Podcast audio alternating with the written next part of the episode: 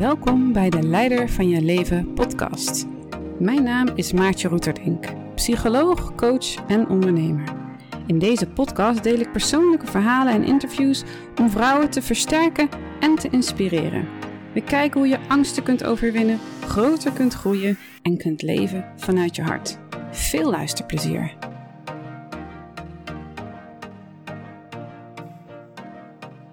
Gisteren was ik bij een broodfondsbijeenkomst. Um, een broodfonds is een plek waar ondernemers zich bij aan kunnen sluiten, uh, zodat wanneer ze ziek worden, dat ze dan een, um, een bedrag ontvangen van de mede-broodfondsleden. Um, heel mooi concept. maar goed, dat was een interessante bijeenkomst. Het ging over, um, in ieder geval een onderwerp dat er sprake kwam was geld en inflatie. En er werd ons gevraagd om in groepjes van vijf personen uit elkaar te gaan en met dat groepje te bespreken uh, hoe heeft de inflatie uh, effect op jouw bedrijf? Wat doet dat met je en heb je daar maatregelen uh, over getroffen of iets dergelijks. En uh, nou, super interessant. Ze gingen het daarover hebben. En het is heel leuk om die verschillende perspectieven ook te horen over uh, hoe, hoe je met geld omgaat.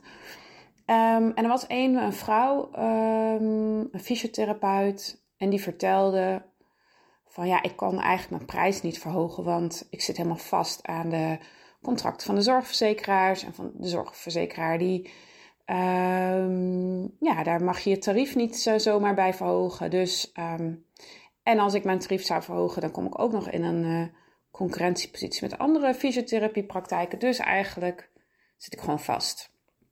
En andere, de meeste anderen die ik hoorde, hebben toch eigenlijk allemaal wel hun prijzen verhoogd. Om, uh, omdat alles duurder is geworden. En daarna hadden we een soort groepsbespreking daarover. En kwamen verschillende ook wel zorgprofessionals zeg maar aan het woord. En daar hoorde je heel erg dat dilemma van, um, ja, als ik mijn prijs ga verhogen, dan, dan kan ik misschien bepaalde mensen niet meer bedienen. Uh, sommige mensen kunnen het dan niet meer betalen. Um, en eigenlijk, ja, onderaan de streep, wie leidt daar dan onder? Uh, in dit geval is dat de zorgprofessional die daar dan onder leidt. Want die voelt aan alles, ik, ik kan en mag mijn prijs niet verhogen. Als ik dat wel zou doen, moet ik misschien uit het systeem stappen. Maar als ik uit het systeem stap, kan bepaalde mensen niet meer bedienen. En dat is ethisch eigenlijk ook niet oké. dus ik blijf het doen zoals ik het deed. En ik snap dat perspectief echt totaal. Want dat is ook het perspectief dat ik heel lang heb gehad en gevoeld. Als um, iemand die een zorgfunctie heeft. En toch voel ik ook een soort jeuk of ergernis, irritatie uh, opkomen bij die verhalen, omdat ik zelf steeds meer daarvan los wil komen. En ook los van aan het komen ben. En toen ging ik even nadenken. Toen dacht ik, ja, wat doen we eigenlijk als we dat doen? En aan de ene kant klinkt het heel nobel. Van ik hou mijn tarief laag. En ook al snij ik mezelf dan in de vingers, dan kan ik wel iedereen een bedienen. En ik zeg even, ik, iedereen moet doen wat hij doet. Hè. Ik heb daar verder geen, geen oordeel over. Maar als ik voor mezelf kijk, voel ik wel een gevoel van nee, ik wil dat niet meer doen. Ik wil niet meer mijzelf in de vingers snijden. Ik wil het niet meer, ik ga het niet meer doen. Het klopt niet meer voor mij. Ik ga niet meer mezelf onder aan de lijst zetten van de dingen die belangrijk zijn. Het gaat me echt heel erg na aan het hart, dit onderwerp. Omdat het altijd komt weer dat stuk van, ja, het is niet ethisch en het is niet verantwoord. Of het is ja, misschien zelfs wel zielig voor bepaalde mensen. Zo ging ik erover nadenken. Denk, oh ja, dat is heel vaak waar ik dan een beetje op uitkom bij mezelf. Dat als ik daar echt wat dieper naar kijk en denk, oké, dus dan is dus de klant is eigenlijk zielig. En daarvoor moet ik mijn prijs laag houden of zo. Ik zeg het nou even heel ongenuanceerd. En dan denk ik, nee. Nee, nee, nee, nee. Ik wil er echt niet meer zo naar kijken. Um, want er gebeuren dan verschillende dingen. Ik snijd dus mijzelf in de vingers. En ik zie de ander als zielig. want die kan het anders niet betalen. En dan denk ik, dat, dat is niet oké, want dan hou ik mezelf klein en ik hou mijn klant klein of mijn cliënt. We blijven dan allebei klein. En in die kleinheid kunnen we allebei niet groeien. Dan, dan zitten we vast in een perspectief waar we gewoon niet kunnen groeien. En dat doet me echt heel veel. En ik, daar wil ik heel graag van loskomen, meer en meer. En ik wil eigenlijk heel graag daar ook andere vrouwen, andere zorgprofessionals of, of vrouwen die daar ook mee worstelen, ook bij helpen om, daar, om dat anders te gaan zien. En ik, denk, moest denken ook gisteren, toen kwam het even langs. Ik keek een, was een paar jaar geleden, toen zo'n documentaire op Netflix was het van um, Tony Robbins. Tony Robbins, ik weet niet of je hem kent. Geweldige man. Ik vind hem geweldig. Sommige mensen vinden hem vreselijk, maar ik vind hem geweldig. Het is een hele beroemde coach uit Amerika. En hij coacht heel veel uh, ja, mensen, uh, vaak in grote groepen. Hij vraagt daar ook wel een stevige prijs voor. Um, nou, hij is dus ook heel rijk, um, maar hij raakt mensen ook heel diep. Dus hij brengt echt enorme transformaties teweeg. Hij heeft ook met presidenten gewerkt. Dus hij is echt wel uh, een hele beroemde coach. En één vrouw in die documentaire die vertelde een verhaal dat mij echt raakte. Um, want ze had niet veel geld. Maar ze wilde heel graag naar Tony Robbins. En wat ze had gedaan was, want zo'n kaartje kost iets van 3000 dollar of zo om bij zo'n event aanwezig te kunnen zijn. Ze zei: Ik heb mijn meubels verkocht. Ik heb gewoon eigenlijk alles verkocht wat ik niet, um, ja, wat ik kon missen. Of, um, want ik wilde zo graag daarbij zijn. En die vrouw was helemaal gelukkig. Die was daar, die was, daar die, die was helemaal gelukkig met dat ze daar was en wat ze daar uithaalde. En zij had dus ook een enorme commitment gemaakt om daar te kunnen zijn. En toen dacht ik, deze vrouw vindt zichzelf niet zielig. En Tony Robbins vindt haar ook niet zielig. Deze vrouw neemt volle verantwoordelijkheid voor iets dat zij heel graag wil. En ze zorgt dat ze het voor elkaar krijgt, hoe lastig dat ook is in haar situatie. Maar ze verzet uh, hemel en aarde, zeg maar, om daar te kunnen zijn. En um, ja, dat vond ik heel super inspirerend. Dus dan, zij wordt op dat moment aangesproken op haar kracht. En de ander ziet haar ook niet als onkrachtig. Die ziet, je hebt een keuze. Je kunt komen of je kunt niet komen. Kun je het regelen? Ga je het regelen? Je kunt er ook voor kiezen om het niet te doen. Als je het er niet waard vindt of jezelf misschien niet belangrijk genoeg vindt daarvoor. Maar oké. Um, en ik snap ook wel dat er situaties zijn waarin het anders is. Hè? Ik, ik wil niet, uh, uh, hoe zeg je dat? Alle situaties over één kam scheren. Maar voor mij persoonlijk voel ik daar heel erg een heel belangrijk element in van. Um, ik wil mezelf niet beperken, klein houden, onderaan de lijst zetten. Met wat ik bijvoorbeeld vind dat mijn dienst waard is. En ik wil de ander ook niet zien als zielig en klein en die kan het anders niet, uh, niet betalen of, of iets dergelijks. En ik denk dat dat een hele grote, voor mij is dat een hele grote transformatie. Ik denk dat in zorgland er toch vaak wel zo wordt gekeken en dat we daarmee onbewust vaak ook onze cliënt, onze klant klein houden. Ik denk echt dat dat veel gebeurt. Ik heb ooit één vrouw gehad in de praktijk, super lieve vrouw. Ik werkte, zij kwam heel graag en ik werkte heel graag met haar. Maar ik merkte dat ik elke keer voor haar ging zorgen. Dat ik elke keer in een soort zorgrol kwam. En, en zij zei het op een gegeven moment zelf ook. Ze zei, ja, het lijkt wel alsof als iedereen het gevoel heeft dat ze voor mij moeten zorgen. toen zei ik ook, ja, ik herken dat, want ik voel dat ook bij jou. Ik ga in die rol, maar ik voel ook dat ik je daarmee eigenlijk klein, klein maak, klein houd. En daar hadden we een gesprek over. Toen zei ik ook, ja, ik wil eigenlijk niet meer in die rol naar jou.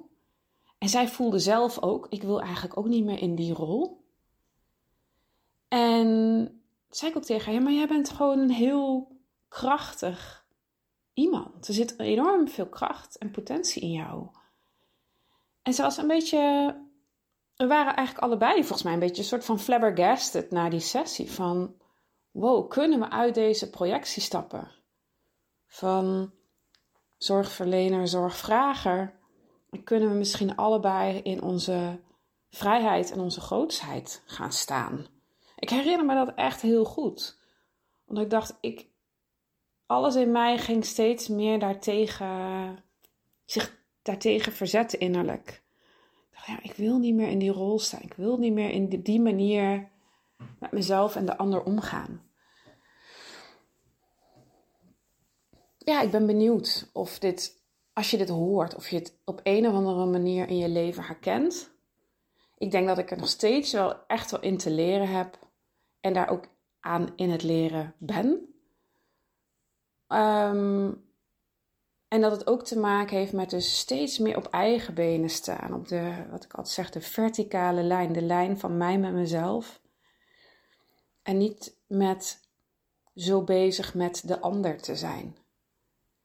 En vaak wordt dat dan toch nog wel gezien als egoïstisch. En ik zie steeds meer van nee, het is, voor mij is het geen egoïsme, maar is het echt gezondheid. En ik denk dat veel meer vrouwen dat mogen doen. En nogmaals, ik weet dat die weg niet altijd makkelijk is.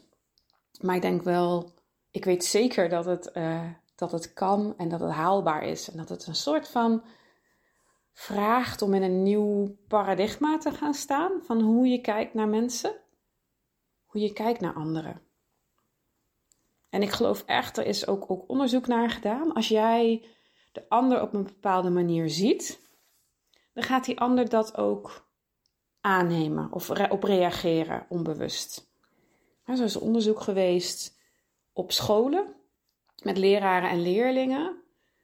En in dat onderzoek werd bijvoorbeeld gezegd tegen een leraar: deze leerling is slim, deze leerling is niet zo slim. En dan werd er gekeken wat er uh, gebeurde volgens met die interacties. En het bleek dan dat het IQ van die leerling daalde of steeg door de aanname van die leraar over die leerling. En um, ja, ik heb het naam van het onderzoek niet paraat, anders zou ik het hier noemen, maar ik heb het in ieder geval gehoord over gelezen. En ik vond dat super, uh, het raakte me heel erg. denk ik, wow, de kracht van hoe we de ander zien, de invloed bedoel ik van hoe we de ander zien, is echt huge, is echt enorm. Hoe zie ik de ander? Zie ik de ander als competent? Zie ik de ander als incompetent? Zie ik de ander als zielig? Zie ik de ander als krachtig? Zie ik de ander als vrij of zie ik de ander als beperkt? En natuurlijk kun je soms zien aan de buitenkant van dit is wat het is. Je kunt zien iemand zit gevangen op een bepaald gebied of iemand heeft een heel laag eigenwaarde. Maar dan nog steeds kan ik ervoor kiezen om die ander anders te zien, groter te zien, vrijer te zien, ruimer te zien. Ook al ziet die ander het zelf nog niet. En ik geloof wel dat dat een echt een effect heeft op die ander, op de, op de energie. Ik weet ook nog één voorbeeld, en dan word ik bijna een beetje emotioneel als ik daarover praat, maar dat was met mijn uh, boeddhistisch leraar een aantal jaar geleden. Ik was in Italië in het uh, boeddhistisch centrum en ik liep. Het was in de zomer. Ik liep naar de tempel en het was een hele mooie dag. En ik was gewoon een beetje aan het wandelen. En op een gegeven moment zag ik mijn, uh, mijn boeddhistisch leraar, die, die stond ergens zat verder weg. En die keek naar mij. Hij keek echt naar mij. Hij, hij was, stond even stil, hij maakte echt oogcontact. En ik keek terug. En hij keek naar mij alsof hij het mooiste zag dat hij ooit had gezien.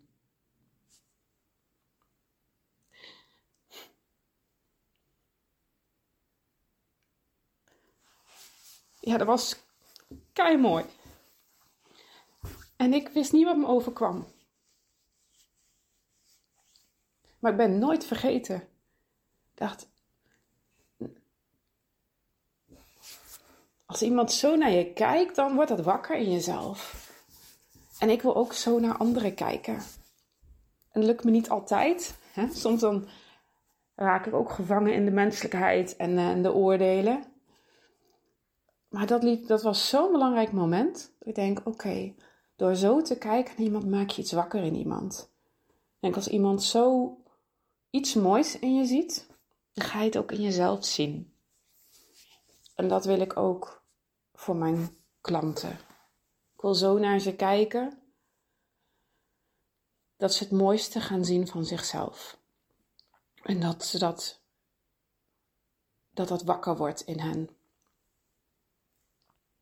Ja.